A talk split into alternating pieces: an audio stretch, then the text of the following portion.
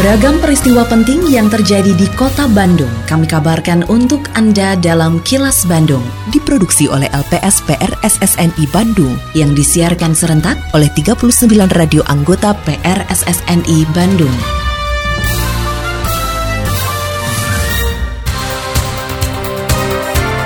Sejumlah informasi aktual kami hadirkan untuk Anda dan inilah informasi utamanya.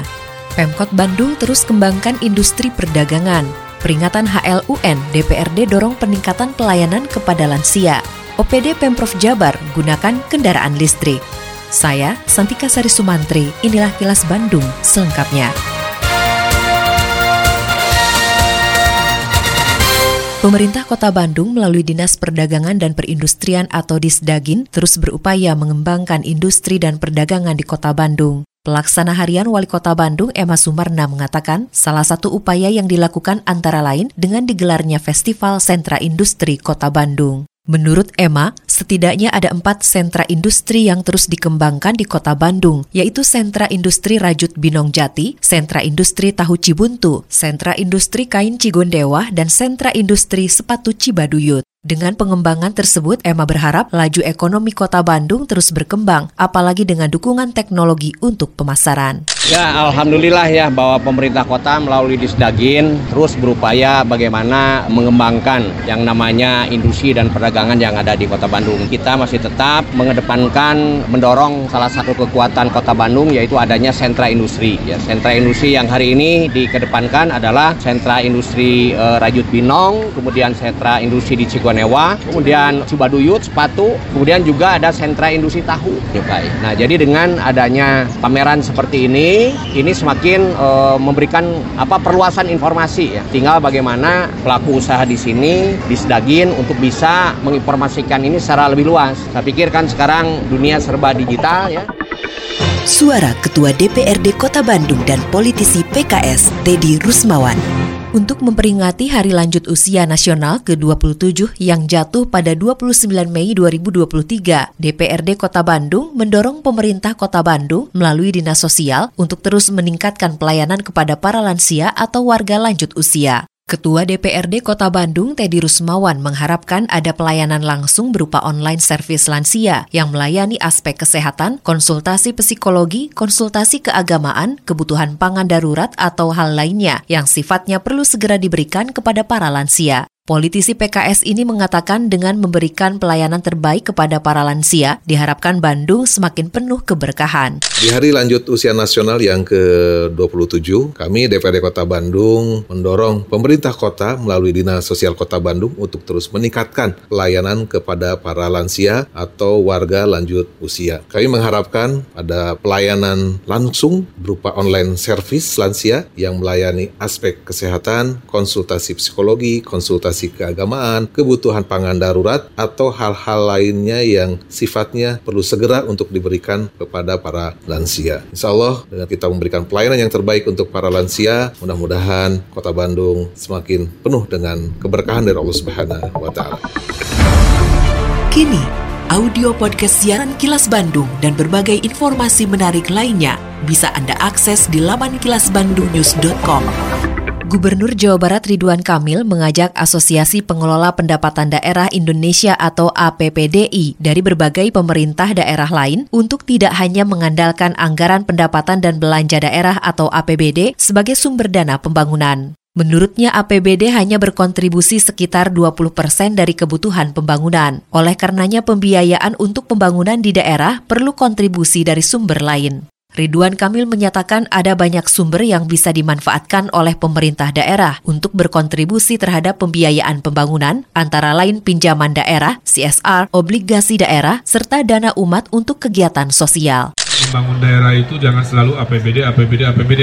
Ada delapan pintu dari pinjaman daerah, dari CSR yang harus dikejar, dari yang namanya obligasi daerah, dari yang namanya dana umat untuk kegiatan sosial. Kalau semua minta APBD segala urusan nggak cukup karena APBD itu maksimal hanya 20% dari 100% kemampuan membangun. Dan tadi poin utama itulah mungkin menginspirasi agar jangan berpikir hanya APBD tapi berpikir cara lain untuk membangun daerahnya dengan segala keterbatasan. Apalagi Apalagi Pak Presiden sudah meriliskan Indonesia Emas 2045 target dari 5.000 US dollar per orang per tahun menjadi 30 ribuan per orang per tahun.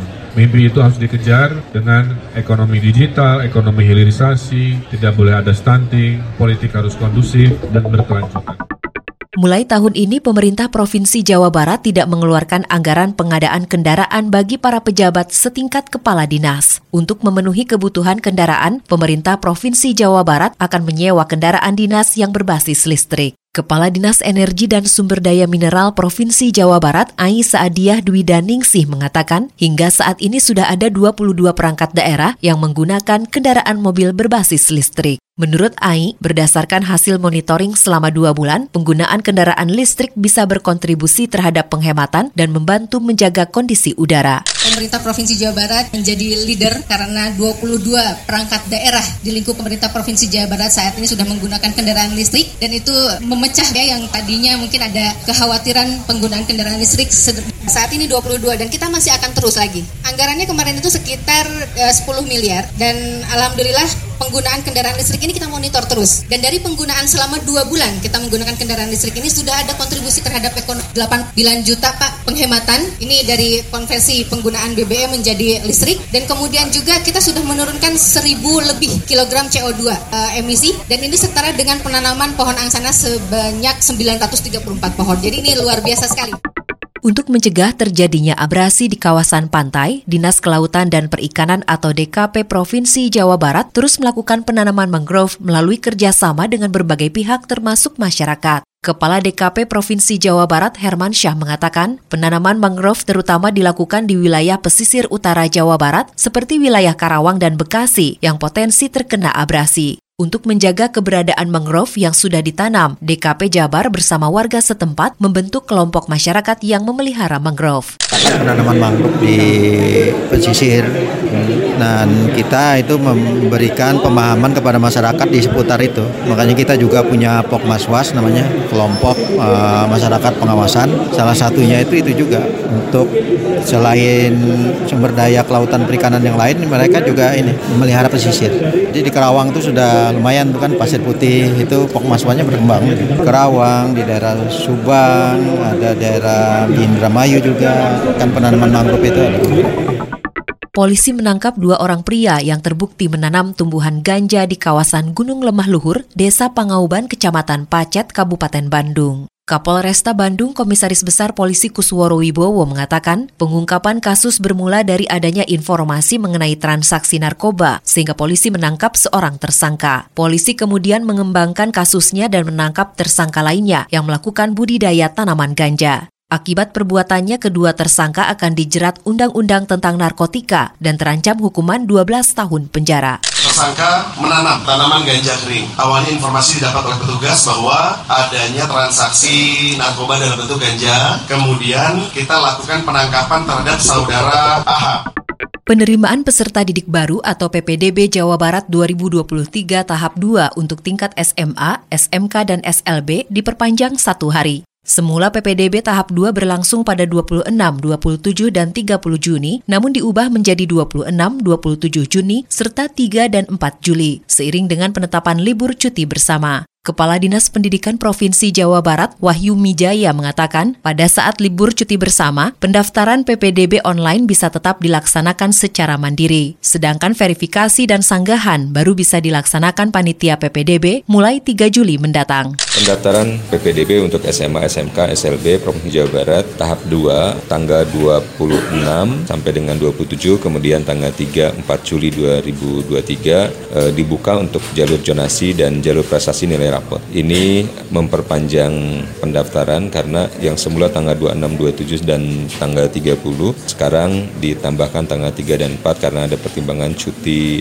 bersama yang dikeluarkan e, berdasarkan e, keputusan tiga menteri. Selama libur atau cuti bersama pendaftaran online dapat dilakukan secara mandiri e, sedangkan verifikasi Lindungi diri dengan memakai masker saat beraktivitas, meski pemerintah memutuskan untuk mencabut status pandemi dan mulai memasuki masa endemi. Tetap patuhi protokol kesehatan untuk mencegah penularan virus corona.